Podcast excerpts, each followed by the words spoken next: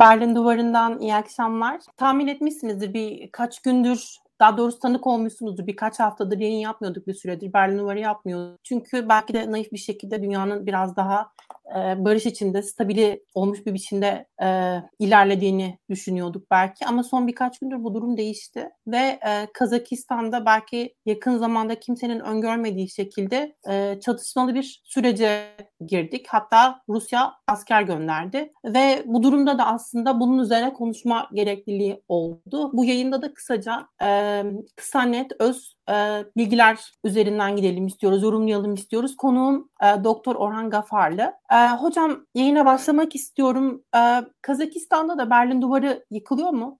Ya çok sağ olun davetin için. İyi yayınlar dilerim size. E, Daktilo ekibine de çok teşekkür ederim. Ya aslında ben Lenin'in metaforuyla başlamak istiyorum. E, yöneticiler eskisi gibi yönetemiyor. Yönetilenler de e, yönetimden bayağı e, rahatsızlar. Yani eskisi gibi yönetilmek istemiyorlar. Yani aslında hikayenin aslı bu. E, ve e, tabii ki sizin söylediğiniz gibi Kazakistan'da bu kadar olayların hızlı patlayacağını ve yeni bir e, sürecin başlayacağını hiç tahmin etmiyordu. Hiç kimse tahmin etmiyordu. Ama ben eminim ki yani Twitter'da da izlediğim Kazakistan uzmanları birçok e, olgular üzerinden bu süreci takip ediyordular. Hatta müzikler konusunda bir e, yorumlar vardır. E, bazı müzikler e, vardır ki insanlara çağrışa çağırıyordu. Ama e, biliyorsunuz eski Sovyet coğrafyası e, Batı coğrafyasına benzemez. Yani buradaki elitler, e, elit kavramı, e, Batı'daki elit kavramı buraya uğram, e, buraya uygulanamaz. E, buradaki e, diyelim inteligense veya entelijansı kavramı e, uygulamak çok da doğru değildir. Ama bir dönüşüm e, bir dalga vardır. Yani Kazakistan'da bir dalga vardır. E, bu dalganın e, çok farklı etmenleri vardır. Yani burada e, biz e, tamamen bunu e, sosyal gerekçeler üzerinden yürüyen bir sürece de süreç olarak da okuyamıyoruz. E, bir elit kavgası vardır, bir klan kavgası vardır, bir cüz kavgası vardır. Cüz dediğim Kazakistan'daki e, bazı milliyetçi arkadaşların katılması da bir kas sisteminin kavgası vardır, bir klan kavgası vardır bir oligarşik kavga vardır. Bir e, yurt dışı e, müdahale söz konusudur. Reaksiyonik, e, reaksiyonel, muhafazakar bir müdahale, müdahale söz konusudur. Ya tabii bunu biz e, Rusya bağlamında ben bunu söylüyorum. Ama sonuçta bir şey çıktı. Yani sonuçta biz devrimi de okurken devrimi böyle tek neden üzerine açıklayamıyoruz. Birçok nedenleri e, söylüyoruz. Yani burada tek e, sosyal ekonomik sorunlar değil, birçok sorunlar vardır. Bunlar bir kümeye toplandı ve bir e, patlayış oldu. E, tabii bu patlayış olunca da e, bu süreç nasıl yönetilir, e, Türkiye'nin tepkisi ne olur, Rusya neden barış gücünü oraya gönderdi kolektif güvenlik örgütü çerçevesinde, neden Çin sessiz kaldı, neden Avrupa, Batı e, neden gerekli tepki vermiyor sürece, neden Belarusya'da olan tepki yoktur burada, birçok şey tartışılabilir. Yani isterseniz böyle başlayalım. E, e, siz. Ben hemen Oğuz'dan bir Oğuz'dan rica etmiştim bir e, görüntü vardı bugün çok paylaşıldı sosyal medyada. Onu bir izleyebilirsek eğer şu an ona bir bakalım istiyorum. Ki burada e, göstericilerin neden neden gösteri yaptıklarını açıkladığı bir video ve burada kadın çok basit bir şekilde bir Kazak vatandaşı çok basit bir şekilde göstericilerden biri çok basit bir şekilde ne kadar alındığını, ne kadar içerlediğini e, çünkü devlet başkanının ve işte devletteki bakanlıkların e, nasıl e, korkunç bir söylem inşa ettiklerini aslında eleştiriyor ve kendi gösterisi neden gösteri yaptığını çok basit bir şekilde anlatmaya çalışıyor. Ama buradaki yaklaşım bu kişinin terörist olduğu yani buradaki tüm kişilerin aslında terörist olduğu ve bunun başka ülkeler tarafından e, özellikle e, yaptırıldığı yönünde. Buna katılıyor musunuz? Gerçekten bu insanlar başka yerlerden getirildiler de Kazakistan'ı mı, Kazakistan'daki e, yönetimi mi protesto ediyorlar? Bunlar terörist mi gerçekten? E, ya İpek Hanım kesinlikle böyle değil. Yani e, hakikaten de sosyal ekonomik sorunlar var. Özellikle pandemi döneminde artan sorunlar var. Bütün eski Sovyet, bütün dünyada artan bir ekonomik kriz var. Ve bunun e, Kazakistan yansıması da var. Biz bu dışarı çıkan insanlar içerisinde teröristler mi çıktı? Demek yanlıştır. Bir, bir sosyal bir tepkidir. Sosyal ekonomik bir tepkidir. Reaksiyonel bir tepkidir. Yani ben kesinlikle e, hanımefendinin yani bu bugün e, e, gösterdiğiniz yani dediklerine katılıyorum. Yani burada teröristler çıkıyor demek doğru değildir. Yani böyle bir şey yoktur. Yani ha içlerinde bazı radikal gruplar olabilir ama bunu tamamına söylemek doğru değildir. Yani ben buna kesinlikle katılıyorum. Ee, yani Kazakistan e, çok farklı bir ülkedir. Yani Batı e, şöyle desek kavramları, Batı literatürü kavramları üzerinden açıklayacak kadar zor bir ülkedir. Yani şimdi Kazakistan'da çok farklı e, klan bir klan bir sistem vardır. Yani rejimin bir klan sistemi vardır. Artı e, cüzler vardır. Üç tane cüz vardır en ünlü. E, aşağı cüz, küçük cüz, orta cüz, büyük cüz diye bir ayrımı vardır. Tabii bunun Kazakça'da bir karşılığı vardır. E, bunun yanında oligarşik gruplar ya dediğimiz klan gruplar vardır. Ve tabii ki dış güçlerin de bir e, müdahalesi söz konusu. Ama sonuç itibariyle bu insanları sokağa çıkaran e, ne Çin'dir ne Rusya'dır ne de Batı'dır. Bu insanlar sosyal ekonomik sorunlardan dolayı çıkıyor ve e, bölgenin egemen güçleri de e, bu süreci e, kendi yararlarına nasıl kullanabiliriz diye değerlendirmesini yap. E, şimdi benim ah, devlet başkanının pardon devam edin siz hocam. Ya ben e, tabii Kazakistan'da yaşamıyorum. Ben Türkiye'de yaşıyorum, Ankara'da yaşıyorum. Fakat e, Rusya'da Rusya kanallarına, muhalif kanallarına ve Kazak muhalif kanallarına çıkan insanları dinliyorum. Bunların içerisinde eski bakanlar da var, eski başbakanlar da var. E, hatta eski enerji bakanı var şu an muhalefetin lideri olarak adlanıyor. Tabii onların söylediği şudur. Çok ciddi bir klan kavgası vardır. Peki bunu nerede görüyorlar? Nasıl bir klan ve cüz kavgası olduğunu görüyorlar? Şimdi küçük cüz dediğimiz cüz vardır. Tüm Kazakistan'da eylemlerin başladığı yerler bu cüzlerin veya Türkiye'deki milliyetçi literatürde anlatıldığı gibi söylersek bir boy diyelim buna. Bir boyun, küçük cüz boyunun eylem bir haritası vardır, coğrafyası vardır. Burada eylemler yaşanıyor. Burada çoğunlukla küçük cüz yaşıyor. Kısmen de orta cüz yaşıyor. Ee, bunun yanında oligarşik bir kavga vardır. Bir klan kavgası vardır. Peki bunun nedeni nedir? Neden oligarşik bir kavga ortaya çıkıyor? Şimdi Kazakistan eski Sovyet coğrafyasında alternatif bir model öneren ülkeydi. Nedir bu model? Demokrasiye geçit, bir transit süreci, bir geçit sürecini anlamdıran bir ülkeydi. Şimdi eski Sovyet coğrafyası demokratikleşmeye veya otoriterleşten otoriter bir rejimden çıkışın iki senaryosu var İpek Hanım. Birincisi e, Gürcistan, Ukrayna, Kırgızistan modeli var. Yani renkli devrimler tırnak içerisinde renkli devrimler dediğimiz model var. Halk meydanlara çıkıyor, e, rejimi deviriyor ve demokratik yani seçim demokrasisi olan bir modele geçiyor. Tabii ki burada bir liberal demokrasiden bahsedemeyiz. Ama seçim diye bir bir ortaya çıkıyor. Bir temsiliyet veriliyor bütün gruplara. Mesela Kırgızistan'da Doğu Batı eliti diye bir ayrımı var. Mesela Gürcistan'da da benzer. Güney Batı bir elim e, ayrımı vardır. Ermenistan'da da benzer. Yani Ukrayna'da da benzer. Yani bir temsiliyet hakkı veriliyor. Bir seçim demokrasisine geçit oluyor. Bunun üç tane modeli var. Belki de Ermenistan da buna e, ekleyebiliriz. Kırgızistan, Ukrayna, Gürcistan ve Ermenistan. Peki bunun alternatifi nedir? Kazakistan modeli. Kazakistan modeli bize ne söylüyordu? Ee, mevcut e, o dönemin mevcut Cumhurbaşkanı Nazarbayev görevinden ayrılıyor. Güvenlik Konseyi diye bir kurum kuruluyor ve bu Güvenlik Konseyi'nin kurumunun başına e, eski lider geçiyor ve hakim bir pozisyonda oluyor. Yani e, hatta iş o kadar derine gitti ki Rusya'da e, biz böyle bir modeli neden uygulamıyoruz? Neden Nazarbayev'in akilliğinin örneği olmuyoruz biz. Rusya da benzer bir şekilde güvenlik konseyi kurdu ve Putin onun başına geçti. Yani şu konuşuyordu transit bir modeli, tandem dediğimiz transit bir model. Cumhurbaşkanı kendi güvendiği birisine mesela Nazarbayev, Tokayev'a siz şu an resmini veriyorsunuz. Evet. Devrediyor. Kendisi sembolik bir lider diye soyunuyor ve güvenlik konseyinin başında, başında kalarak elitler arası kavgayı önlemeyi e, engelliyor. Peki bu böyle oldu mu? Yani bize biz iki modeli hep eski Sovyet coğrafyasını tartışıyorduk. Mesela Azerbaycan için de bu uygulanabilir mi? Mesela Rusya için de bu da uygulanabilir mi? Mesela örnek olarak Özbekistan'da bugün İslam Kerimov öldükten sonra e, Şövki başa geçti. E, benzer bir model başarılı mı? E tabi Özbekistan'ı ben istisna tutuyorum. Çünkü orada İslam Kerimov öldü. Yani ölüm hikayesi vardır ve şu an yaşamıyor. Ama Kazakistan bir modeldi ve Kazakistan modeli ciddi anlamda tartışılan ve bütün eski Sovyet coğrafyasının benzer modeli izleyin diye önerilen gelen bir modeldi. E, biz de gördük e, bu model işlemedi. Yani bir gün Rusya'daki bütün entelektüel camia şu an bunu tanış, tartışıyor. Yani biz de uygulamak istiyorduk Kazakistan modelini ama Kazakistan'da işlemedi. Neden işlemedi? Nazarbayev demek ki sembolik sadece olarak e, algılanmıyor.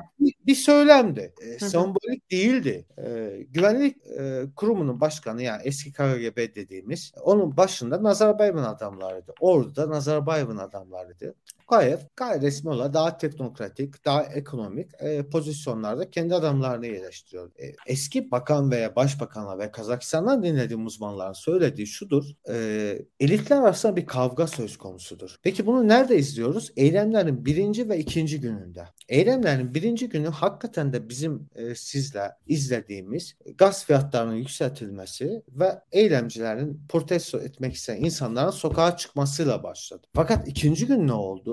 Sokakta silah dağıtıldı. E tabi silah dağıtılınca insan şunu düşünüyor. Yani bu silahı kim dağıttı? Kazakistan'a nasıl bu silah dağıtıldı? E, eski başbakanı dinliyorum ben. E, şöyle bir ifade ediyor. E, ben diyor Tokayev'i tanıyorum. Mevcut Cumhurbaşkanı. Onunla birlikte çalıştım. E, ne kadar samimi, Kazakistan'ı seven bir insan olduğunu biliyorum. E, ben şunu da biliyorum.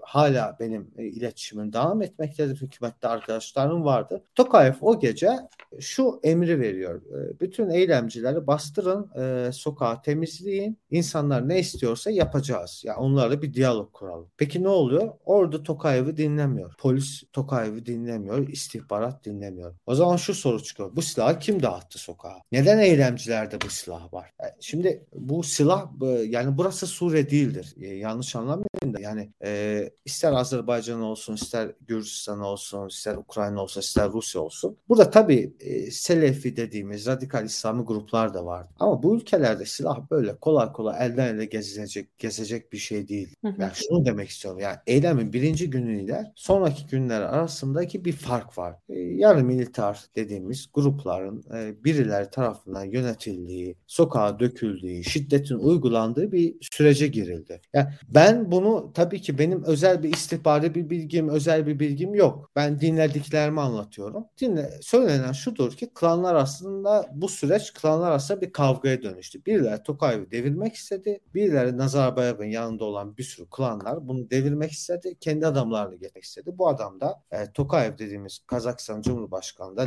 yani e, e, bu süreci direndi. Nazarbayev'i görevinden aldı. E, güvenlik e, teşkilatının başındaki kişiyi görevinde aldı. Orduda bir sürü komutanları görevinde aldı. Kontrolü ele almaya çalıştı. Belli ki kontrolü ele al alabilmeyeceğini görünce e, şey dedi dedi. İçeride terörist gruplar vardır. E, dışarıdan müdahale vardır Kazakistan'a. Ben kolektif güvenlik örgütünün e, işte yaptığımız anlaşmaya göre barış gücünü ülkeye davet ediyorum. E, tabii ki bunu kullandı. Yani Kazakistan o kadar çetrefilli, o kadar karma karışık bir sürece girdi ki e, kim kimin yanındadır, kimin kimin eli cebindedir anlamak zor oldu. Ve hala Ama, anlamak zor sanırım. Hala anlamak zor. Çünkü bu grupların arkasında kim duruyor? Muhalif lider kimdir? Yani ekibin başında kim var? Yani tabii ki ben Siz, siz 2019'dan da bahsettiniz bir anda. 2019'da gösterilerin muhatabı çok net bir şekilde yani tereddütsüz Nazarbayev'di. Çünkü e, devlet başkanı sıfatıyla görev yapan oydu ve ya onun e, e, belki nüfuzunu paylaşabilecek ikinci bir kişiden de bahsetmek mümkün mümkün değildi. Peki o zaman evet. gösterilerin e, gösterilerin bu şekilde örgütlenmesinin sebebi yani bunun altında da biri var mıydı yoksa bir şekilde bu kendi kendine organik bir şekilde vardır. Ya hala bile ben e, göstericiler içerisinde hakikaten de sivil, e,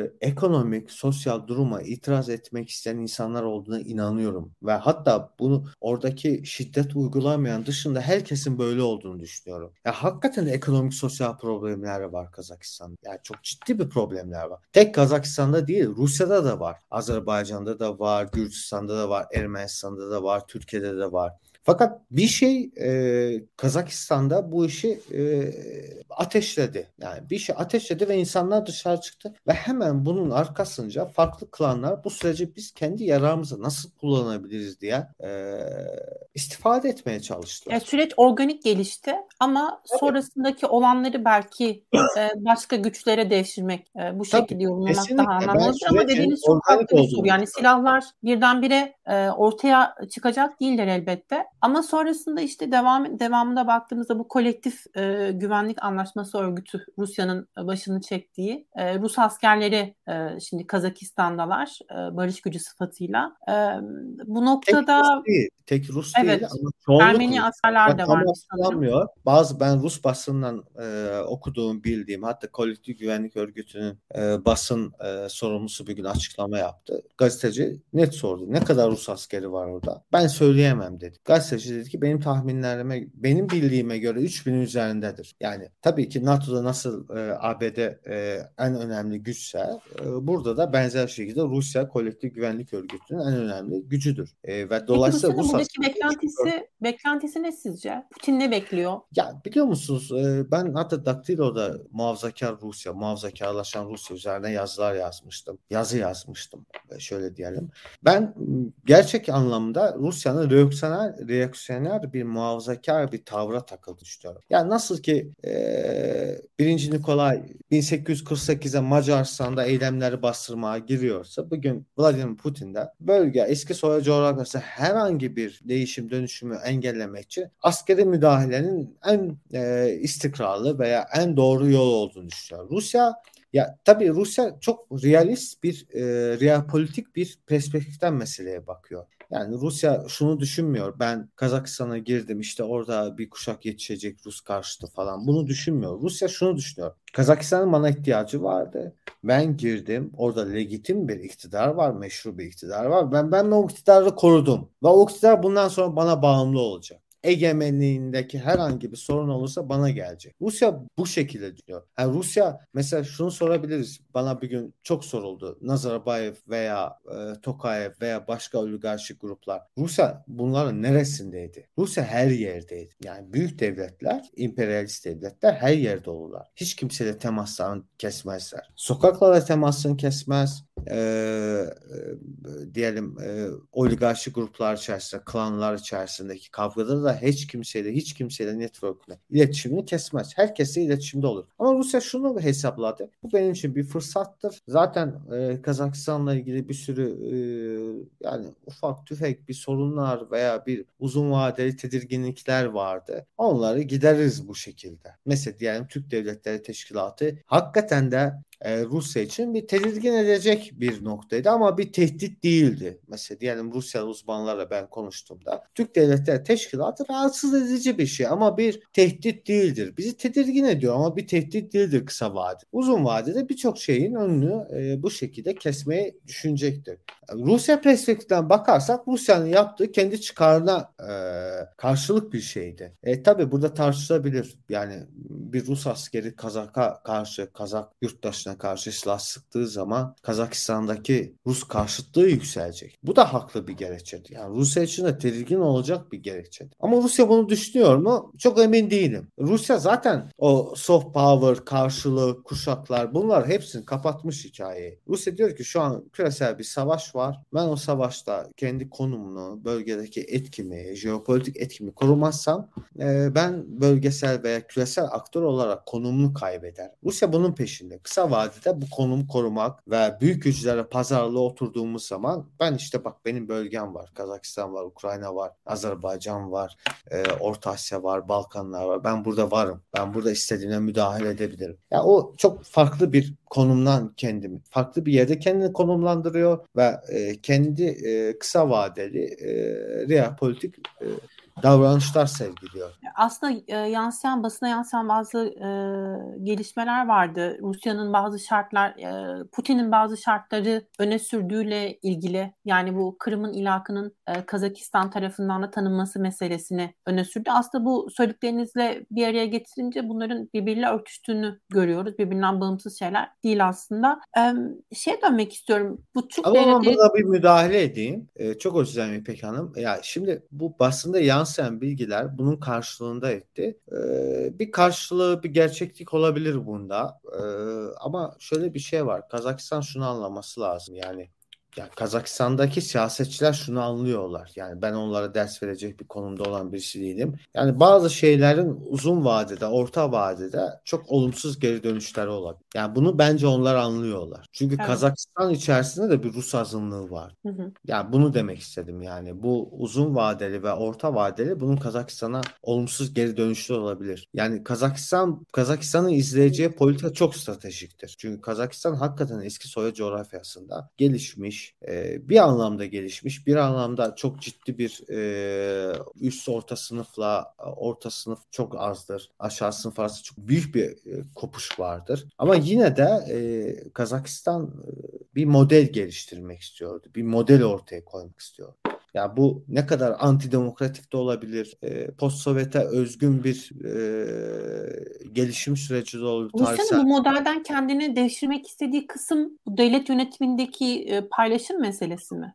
Ya biliyor musunuz eski Sovyet coğrafyasından e, yani şimdi eski Sovyet coğrafyasını anlamak için ya bir kere oran sosyolojisini, elit, elit yapısını, oligarşik yapısını alma ya. Eski Sovyet coğrafyasında elit dediğimiz kişiler yani bugün iktidarda olan kişiler bizim dediğimiz parti şkola yani parti okulundan, komünist parti okulundan çıkmış kişiler. Yani bu kişiler elit kavramı, birlik, kosmopolitizm veya birçok şeyler çok farklı yorumlanıyor. Batıdaki gibi yorumlanmıyor. Yani dolayısıyla toplum dediğimiz, ulusal bilinç dediğimiz şeyler de çok farklıdır orada. Yani tabii biz batıdan alıp bazı kavramları oraya uygulayabiliriz. Bu bir yüksek lisans tezi olur. Yanlış anlamayın da. Ama oradaki toplumu alıp, oradaki toplumun dinamiklerini ele alıp onun üzerinden kavramlar geliştirmek daha zor zor bir şeydi. Bu bir doktora tezi olur böyle diyelim. Yani dolayısıyla oradaki elit veya Rusya'daki o ünlü e, felsefeci Berdayev'in dediği gibi inteligens, entelijansıyla batıdaki entelijans arasında çok büyük fark var. Yani e, kimliksel, çıkarsal, arzusal, bütün sosyolojik şeyler farklıdır. Bir dönüşüm modeli vardır. Yani sonuç itibariyle eski Sovyet coğrafyası Sovyetler Birliği dağıldıktan sonra küresel siyasete entegre oldular. Küresel siyasetin özellikle 90'lardan sonra koyduğu bazı standartlar vardı. Özellikle Helsinki'den sonra, Soğuk Savaş'taki Helsinki sürecinden sonra bir kurallar vardı. Yönetim kuralı vardı. Biz buna işte demokratik yönetim diyoruz. Bu liberal da olabilir, e, anti liberal da olabilir e, veya seçim demokrasisi olabilir. Sadece seçimle değişiyor ama demokratik bir şey yok. Çoğunluğun iktidarda olabilir. Fark etmez. Bir model vardır. Yönetim modeli vardır. Eski Sovyet coğrafyasında da Sovyetler Birliği dağıldıktan sonra biz e, şunu görürüz. Oligarşik yapılar, klanlar e, bu şekilde yönetildi. Ve bunların içerisinde Kazakistan daha çetrefilliydi. Çünkü burada cüz sistemi vardı. Boylar sistemi var. En böyle o şeyi koruyan bir şeydi. Mesela diyelim Özbekistan'da Taşkent eliti vardı, Buhar eliti vardı, Hiva eliti vardı. Azerbaycan'da diyelim e, e, Ermenistan Azerbaycan ya yani Ermenistan'dan göç etmiş Azeri kökenlilerin e, etkinliği vardı. Nahçıvanların etkiliği vardı. Karabağlılar.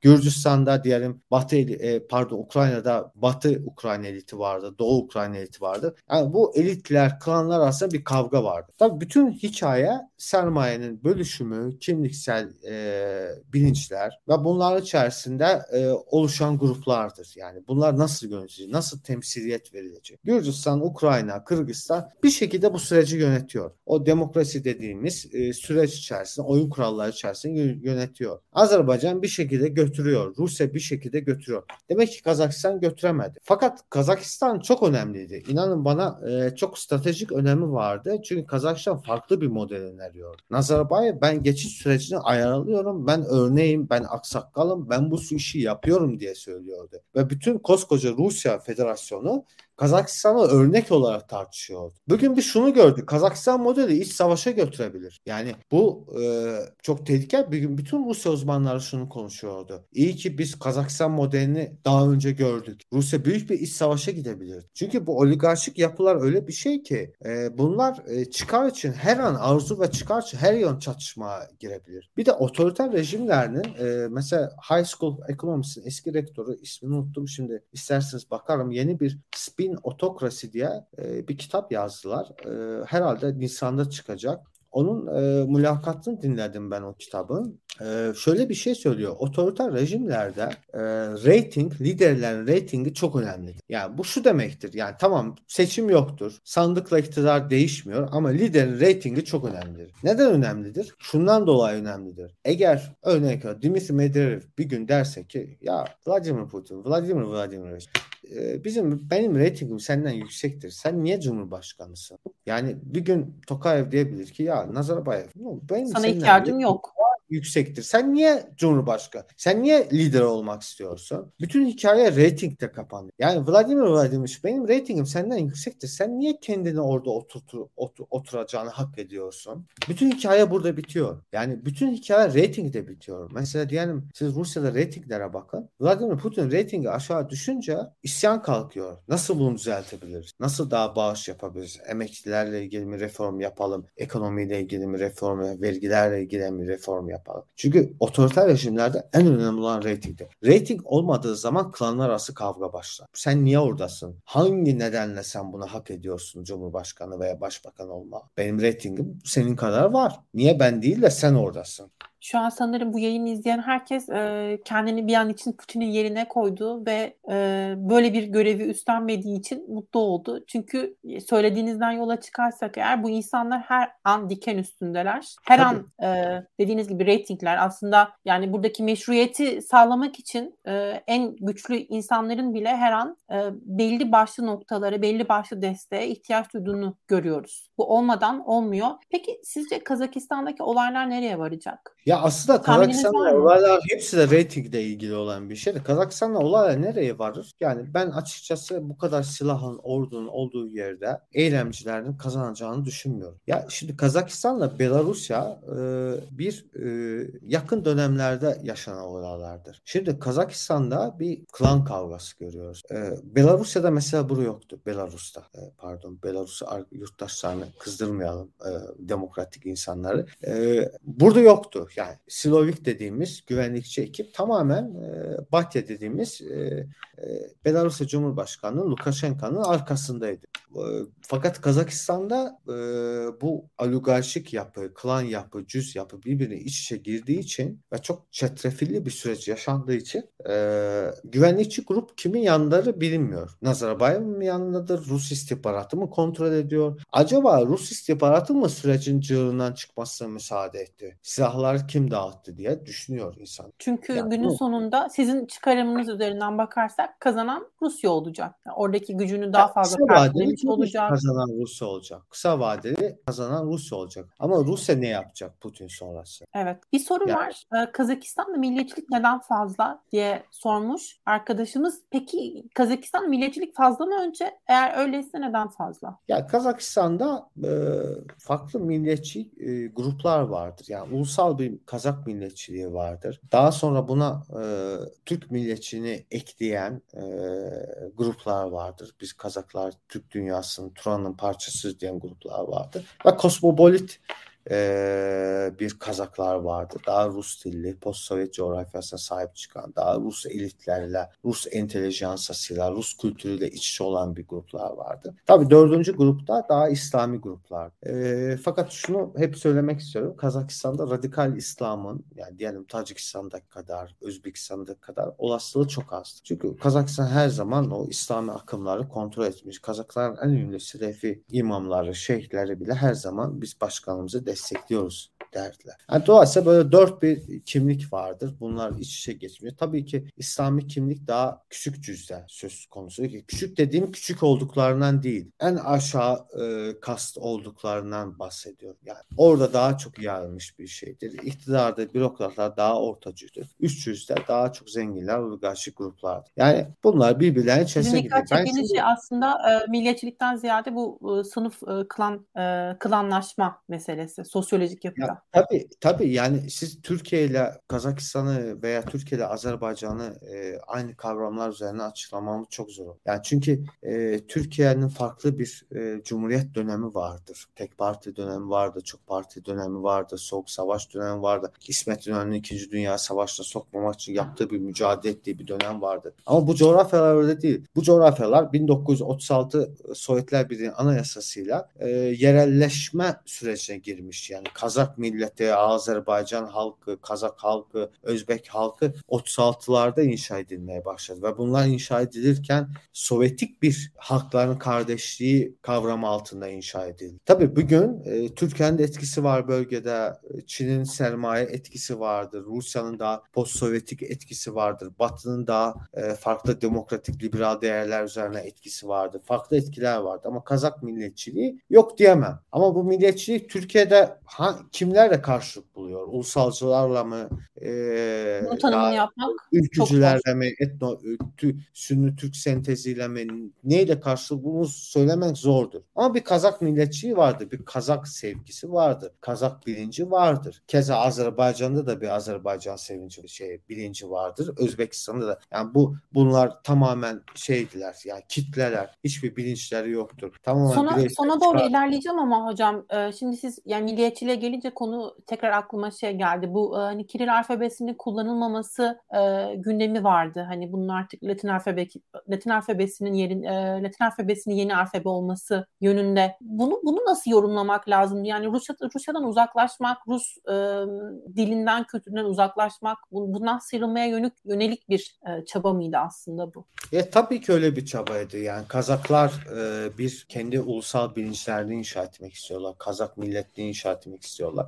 Ve tabii ki bu süreçte Kiril alfabesinden kopup Latin alfabesine geçip Türk dünyası daha e, veya Batı ile daha sıkı bir iletişimde olmak önemliydi. Ve bunu yaptılar da yani. Bunu kara, çok gece olsa da 30 yıl sonra yaptılar yani. Azerbaycan diyelim 90'ların ilk yıllarında yaptı Elçi Bey döneminde.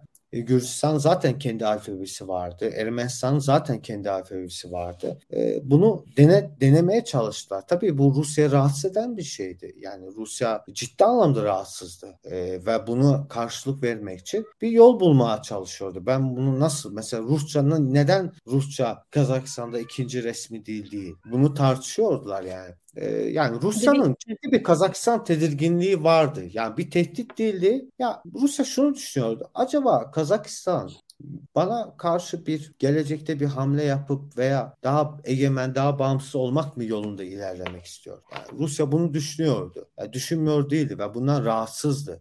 Yani bunun tamam. Rus piyasasında görülüyor.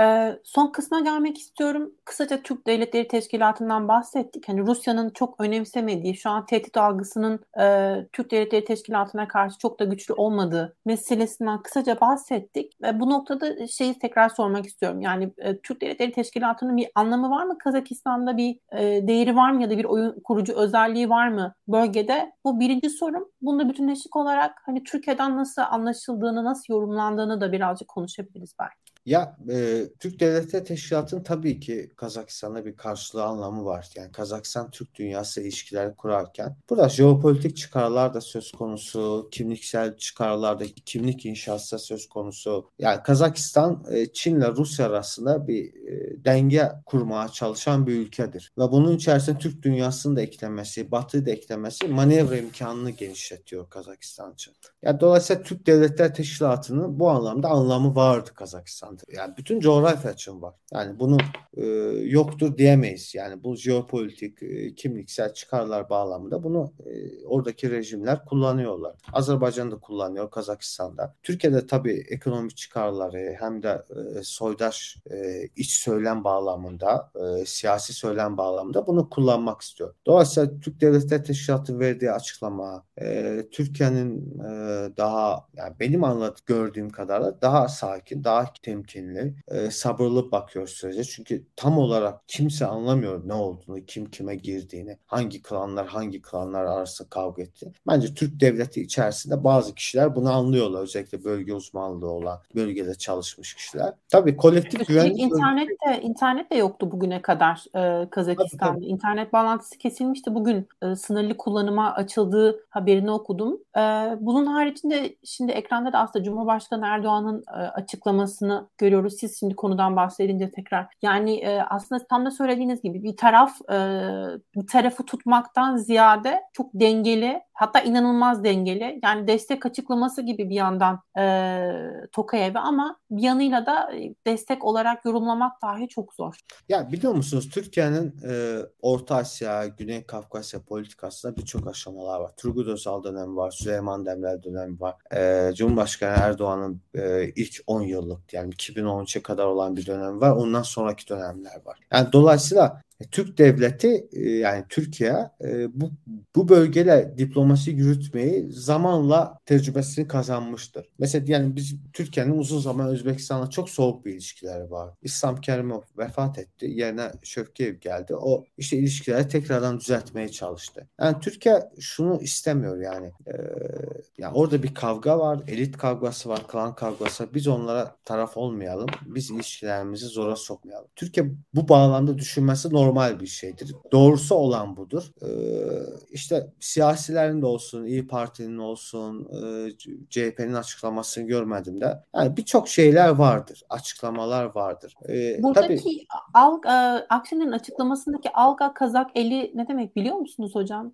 Fikriniz var mı bilmiyorum ama. E, İbrahim Kalın'ın açıklaması mı söylüyorsun? Hayır Akşener'in açıklamasında e, Alga Kazak eli. Herhalde yani, e, Kazakistan'ın genel olarak hani belki. Evet, evet evet. Evet. Kazak diye e, Kazakistan'a e, ima ediyor. E, yani zaten İstanbul İl Başkanı da İyi Parti'nin uzun zaman Kazakistan'da iş yapmış birisidir. Bölgeye hakim, yani bilgilere hakim birisidir. Elitler arasında, klanlar arasında. Yani dolayısıyla bir süreç yaşanıyor. Yani Türkiye'nin attığı davranışlar yani dış politika olarak çok politik bakıyor. Doğal bir şeydir, bakabilir. Ama sonuçta bu bölgede bir dönüşüm yaşanıyor. Yani İpek Hanım benim için burada en önemli olan şey ben size açık söyleyeyim. İki model ülkelerin yarışı vardı eski Sovyet coğrafyasında. Gürcistan, ben Gürcistan söylüyorum. Ee, bak e, Kazak yurdu demektir dedi. Eyvallah Gürhan Bey. Ee, şunu demek istiyorum. İki modelin yarışı vardı. Gürcistan modelinin ve Kazakistan modelinin. Ee, biz Kazakistan modelinin de bir yerden sonra tehlikeli olduğunu ve iç savaşa kadar götürebileceğinin e, şeyini gördük yani tecrübesini gördük.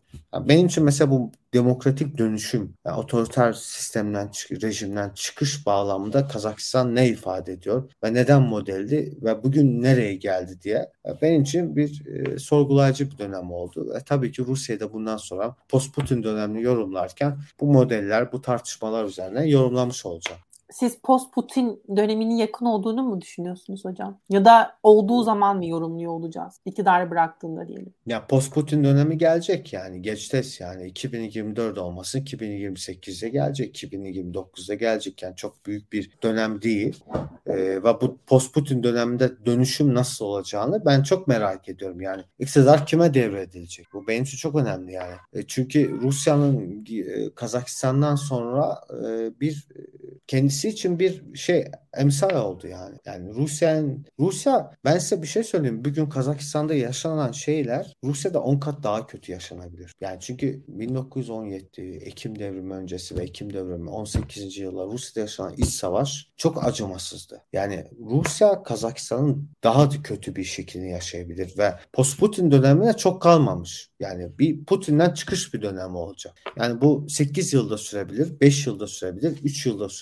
Ama bugün Rusya'da herkes şunu anlıyor. Post-Putin dönemi nasıl bir Rusya bizi bekliyor? Güvenlik kişilerin iktidarda olabildiği bir dönem mi? Daha bürokratik ekibin mi? Daha istihbaratçı bir ekibin mi? Ve Rusya'daki dönüşüm bütün eski Sovyet coğrafyasına yansıyacak. Çünkü eski Sovyet coğrafyasının Rusya bir modeldi. Ben hatırlıyorum 2000'lerin e, başında Rusya'da Duma'da bir yasa geçtiğinde hemen o yasa Kazakistan'da da benzer yasa hazırlanırdı. Kırgızistan'da da Azerbaycan'da da. Yani o Rus baharı dediğimiz bir şey bütün coğrafya etkili. Çünkü e, o network dediğimiz e, şey, e, Partskola dediğimiz, e, Komünist Parti e, ekolü dediğimiz bir şey. Bugün bu coğrafyayı yönetiyor ve oradaki değişim, dönüşüm, oradaki bilgi, e, alış-veriş bilgisi, e, dönüşüm bilgisini beraber yapıyorlar. Bu aynı post-Sovyet kosmopolitik bir elittir. Bu elitin kimliği tartışılır, ulusal bilinci tartışılır. Bu kimliğin e, sermaye çıkarları, klan çıkarları hepsi tartışılır. Ama bir